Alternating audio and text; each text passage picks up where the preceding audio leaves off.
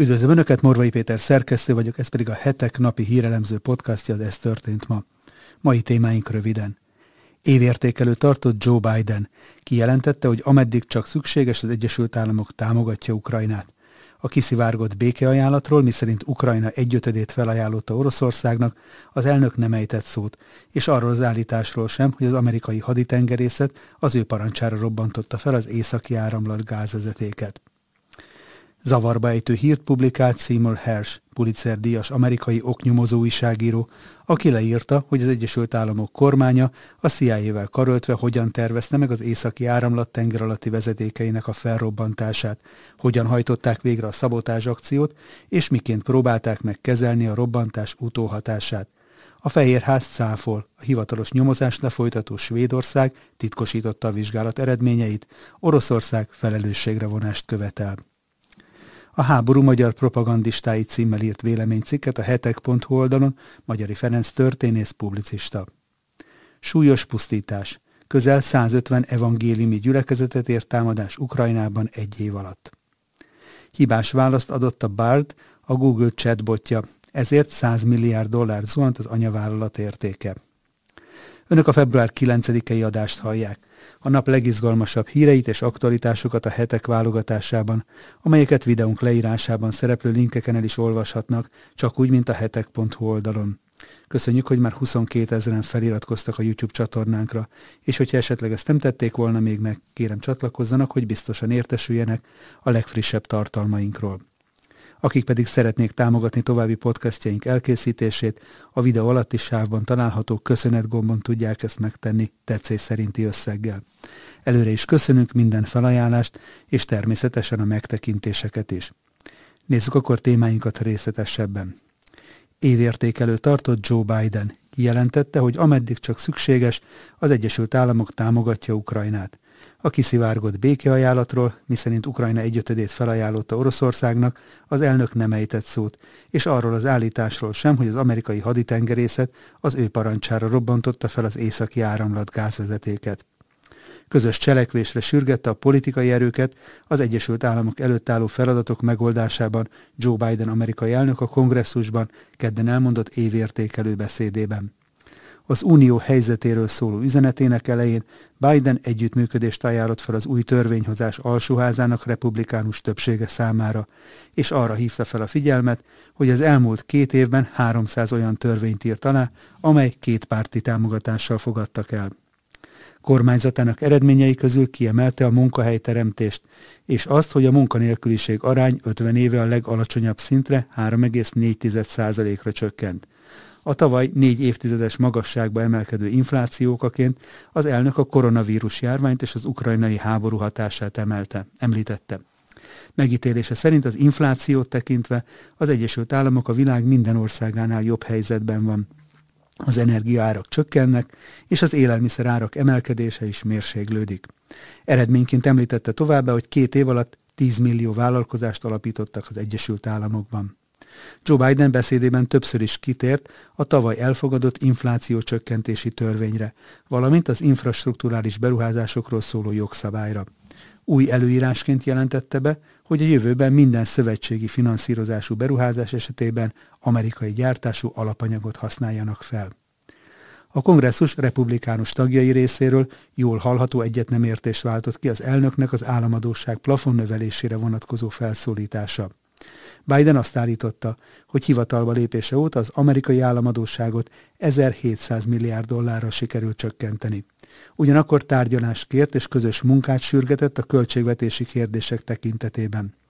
A rendőrségi erőszak csökkentése érdekében Joe Biden a hatóság elszámoltathatóságát sürgette és a rendőrségi reform kiteljesítését.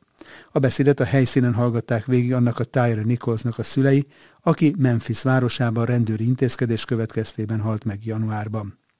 A közbiztonságot érintve az elnök megismételte követelését a támadó kézi fegyverek betiltására is.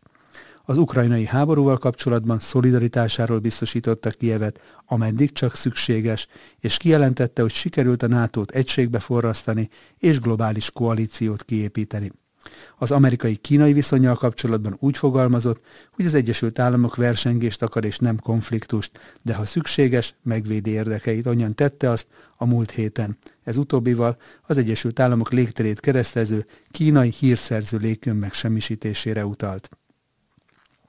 Zavarba ejtő hírt publikált Seymour Hersh, Pulitzer díjas amerikai oknyomozó újságíró, aki leírta, hogy az Egyesült Államok kormánya a CIA-vel karöltve hogyan tervezte meg az északi áramlat tengeralatti vezetékeinek a felrobbantását, hogyan hajtották végre a szabotás akciót, és miként próbálták meg kezelni a robbantás utóhatását. A Fehérház cáfol, a hivatalos nyomozást lefolytató Svédország titkosította a vizsgálat eredményeit, Oroszország pedig felelősségre vonást követel. Simur azt állítja, hogy az Egyesült Államok búvárai a Baltops 2022 nemzetközi hadgyakorlat leple alatt C4-es tölteteket helyeztek el a gázvezetékek körül, amiket később felrobbantottak. Az újságíró forrásai szerint a parancsot maga Joe Biden adta ki. Biden döntése, írja Hersh, hogy szabotálja a csővezetékeket, több mint kilenc hónapig tartó szigorúan titkos vitát követően született meg. A washingtoni nemzetbiztonsági közösségen belül azt vitatták meg, hogy miként lehetne a legjobban elérni ezt a célt. Ez idő alatt a kérdés nem az volt, hogy végrehajtsák ki a küldetést, hanem az, hogy miként hajtsák azt végre anélkül, hogy nyíltan tudná a nemzetközi közösség ki is a felelős érte, fejtette ki Hersh. Az újságíró azt állítja, hogy az északi áramlat vezetékekre Biden úgy tekintett, mint Putyin egy lehetséges módszerére, hogy a földgázt politikai és területi ambíciói érdekében fegyverként használja fel. Mint írta, szándékosan megkerülték Bidenék a tervezésben a kongresszust és a szenátust. A tervben résztvevő búvárok kizárólag a haditengerészethez tartoztak, nem pedig az amerikai különleges műveleti parancsnoksághoz, amelynek titkos műveleteiről jelentést kell tenni a kongresszusnak, és előzetesen tájékoztatni kell a szenátus és a képviselőház vezetését, az úgynevezett nyolcak csoportját. A Biden kormányzat mindent megtett, hogy elkerülje a kiszivárogtatásokat, mivel a tervezés 2021 végén és 2022 első hónapjaiban zajlott. Mint írta az újságíró, 2021. decemberében, két hónappal azelőtt, hogy az első orosz tankok begördültek Ukrajnába, Jake Sullivan összehívta az újonnan létrehozott munkacsoportot, a vezérkari főnökök, a CIA, a külügyminisztérium és a pénzügyminisztérium embereit, és ajánlásokat kért arra vonatkozóan, hogyan reagáljanak Putyin közelgő inváziójára. A CIA 2022 elején bejelentette, hogy megtalálták a megfelelő módszert az északi áramlat felrobbantására.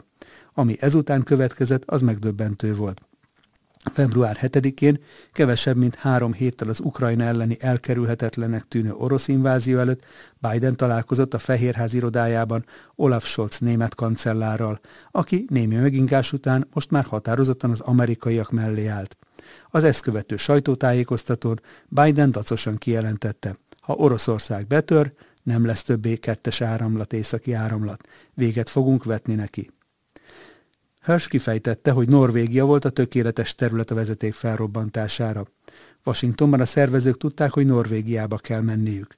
Gyűlölték az oroszokat, a norvég haditengerészet pedig tele volt kiváló tengerészekkel és búvárokkal, akiknek több generációnyi tapasztalatuk volt a rendkívül jövedelmező mélytengeri olaj- és gázfeltárásban.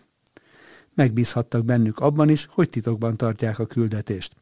Megjegyzi, az újságíró miszerint a norvégoknak más érdekeik is lehettek. Az északi áramlat megsemmisítése. Ha az amerikaiaknak sikerülne ezt véghez vinniük, lehetővé tenni Norvégia számára, hogy sokkal több saját földgázt adjon el Európának. Hess leszögezte, hogy Jens Stoltenberg volt a tökéletes NATO főparancsnok a tervhez. Volt norvég miniszterelnök, és amerikai támogatással került a NATO főparancsnoki posztjára. Norvégia NATO szerződés egyik eredeti aláírója volt 1949-ben, a hidegháború kezdeti időszakában, írta Hersh. Ma a NATO főparancsnoka Jens Stoltenberg, egy elkötelezett antikommunista, aki nyolc éven át volt Norvégia miniszterelnöke, mielőtt 2014-ben amerikai támogatással a NATO főparancsnoki posztjára került volna. Putyin és Oroszország kapcsán kemény vonalas volt, a vietnámi háború óta pedig együttműködött az amerikai hírszerzéssel. Azóta teljesen megbíztak benne. Ő az a kesztyű, ami az amerikai kézre illik, mondta Hers forrása. Az újságíró kifejtette, hogy az elmúlt 21 évben minden júniusban az amerikai hatodik flotta, amelynek zászlós hajója a Rómától délre fekvő olaszországi Gétában állomásozik, nagyszabású NATO gyakorlatot szervez a Balti-tengeren, amelyen több szövetséges hajó is részt vesz a térségben. A mostani júniusban megrendezésre kerülő gyakorlat a Baltic Operation 22, azaz Baltops 22 elnevezést kapta. A norvégok azt javasolták, hogy ez lenne az ideális fedezék az aknák elhelyezésére. Az amerikaiak erre kitalálták az újságíró szerint, hogy C4-es tölteteket helyeznének a gázvezetékekre, amiken lenne egy 48 órás időzítő, így az első robbanás előtt már az összes amerikai és norvég rég elment volna. Kicsit később az újságíró szerint Washington visszakozott, mint írta, de a Fehérház aggódott, hogy a kétnapos robbantási idő túl közel lenne a gyakorlat végéhez, és nyilvánvalóvá válna, hogy Amerika is részt vett benne. Végül azt találták ki az újságíró szerint, hogy a robbanó tölteteket szonárokkal robbantsák fel. Mint ahogyan azt Hers írta végül, 2022. szeptember 26-án a norvég haditengerészet P-8-as felderítő repülőgépe látszólag rutinrepülést végzett, és ledobott egy szonárbóját. A jel a víz alatt terjedt. Először az északi áramlat kettő, majd az északi áramlat egy felé. Néhány órával később a nagy erejű C4-es robbanó szerkezetek működésbe léptek, és a négy csővezetékből három üzemképtelenné vált. Néhány percen belül a lezárt csővezetékekben maradt metángáz a víz felszínén buborékolni kezdett, és a világ megtudta, hogy valami visszafordíthatatlan történt. Az újságíró megemlítette, hogy a robbantás után az egész eseményt az amerikai média megpróbálta úgy kezelni, mint egy megoldhatatlan rejtét. Oroszországot többször említették valószínűsíthető bűnösként, amit a Fehérházból előre megtervelten kiszivárgott információk csak tovább ösztönöztek, de anélkül, hogy valaha is egyértelmű indítékot találtak volna egy ilyen önszabotásra, az egyszerű megtorláson túl. Néhány hónappal később, amikor kiderült, hogy az orosz hatóságok csendben becsléseket készítettek a csővezetékek helyreállításának költségeiről, a New York Times úgy jellemezte a hírt, mint ami bonyolítja az elméleteket arról, hogy ki is állhat a támadás mögött. Egyetlen nagyobb amerikai újság sem ásott bele a Joe Biden és Victoria Nuland külügyminiszter helyettes által a csővezetékekkel kapcsolatban korábban megfogalmazott fenyegetésekbe. Az újságíró forrása így nyilatkozott az ügyről. Nos, el kell ismernem, hogy ez a fickó, mármint Joe Biden, igazán tökös. Azt mondta, hogy megteszi, és meg is tette. Arra a kérdésre, hogy szerinte miért nem reagáltak az oroszok, a forrás cinikusan így felelt. Talán azt akarják, hogy képesek legyenek ugyanazt tenni, amit az Egyesült Államok tett. Ez egy gyönyörű fedősztori volt folytatta, ami mögött egy titkos művelet állt, amely szakértőket vitt a terepre, és olyan berendezéseket, amelyek titkos jellel működtek. Az egyetlen hiba maga a döntés volt, hogy ezt megtegyék. A Fehérház közleménye szerint a cikk teljesen hamis, és ugyanezt mondták a CIA és a külügyminisztérium szóvivői is. Az elnöki szóvivő hozzátette, miszerint Svédország és Dánia, amelyek kizárólagos gazdasági övezetében a robbanások történtek, egyaránt arra a következtetésre jutott, hogy a csővezetékeket szándékosan robbantották fel, de nem közölték, hogy ki lehet a felelős. Mondjuk, hogy ezt miért zárná ki az Egyesült Államok felelősségét, arra nem tértek ki.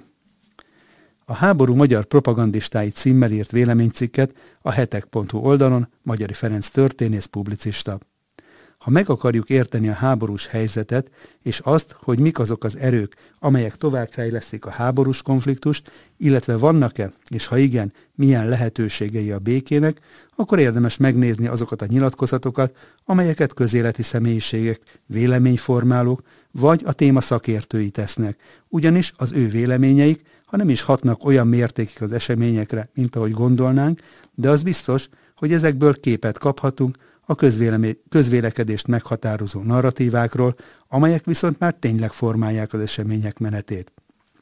A történelem nem csekély számú tanulságai között a leghangsúlyosabbak pont azok a frazeológiák, narratívák összecsapása, amelyek nem csak hogy megelőzik a konkrét háborús történéseket, hanem éppen hogy ezek képesek olyan szintre juttatni az eszkalációt, ahonnan már nem lehet visszafordítani az esemény sort.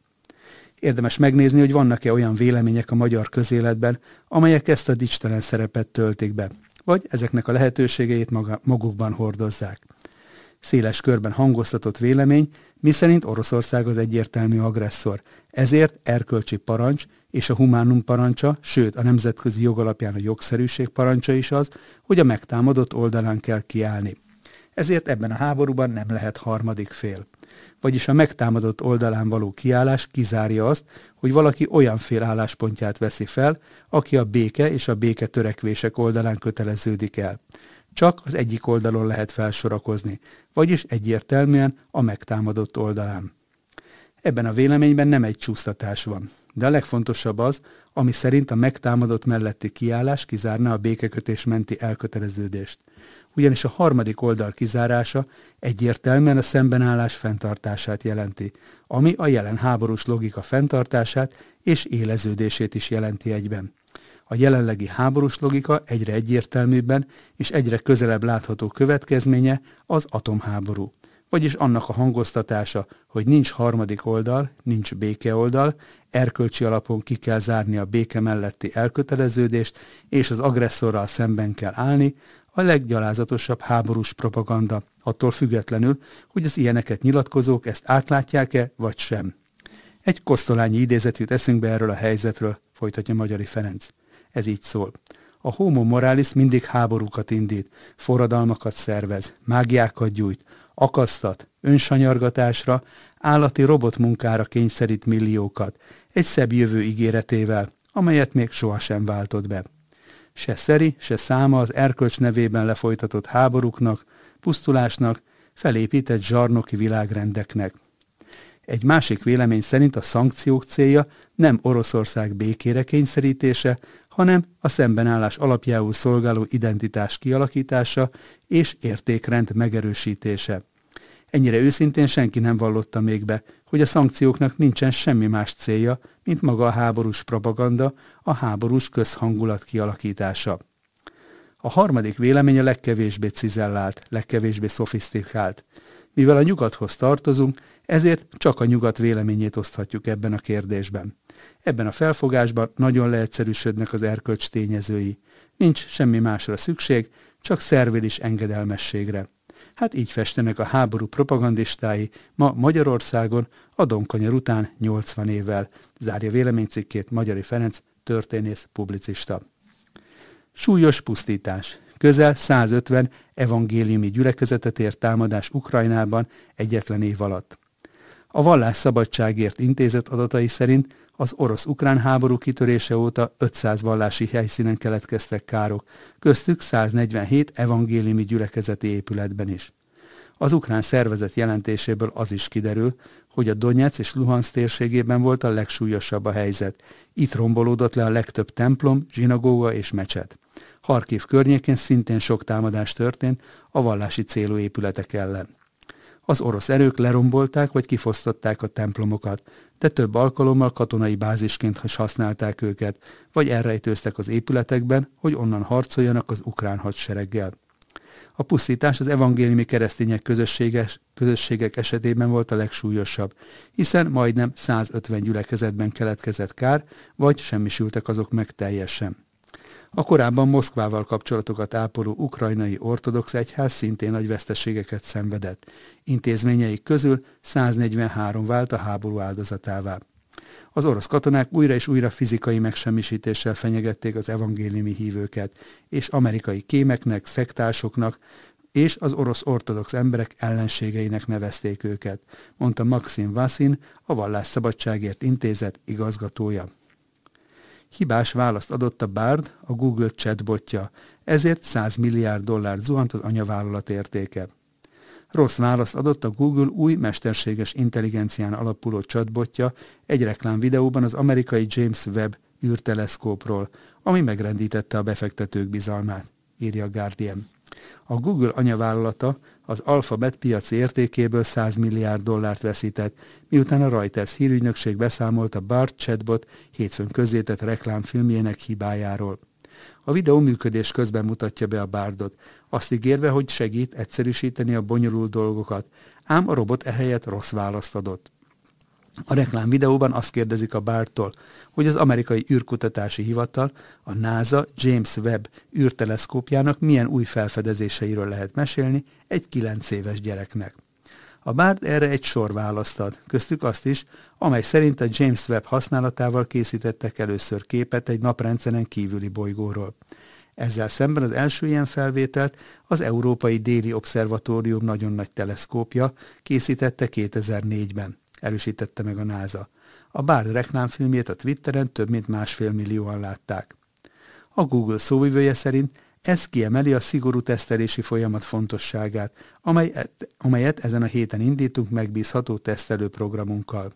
Hozzátette, hogy külső visszajelzésekkel összevetik a belső tesztelésüket, hogy biztosak legyenek abban, miszerint a bárd válaszai megütik a minőség, a biztonság és a valós megalapozottság mércéjét.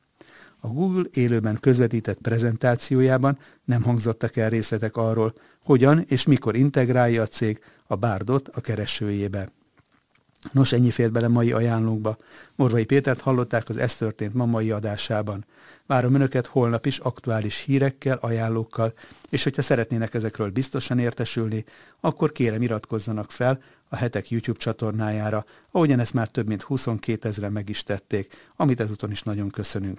Viszont hallásra, szép napot és szép estét kívánok mindenkinek!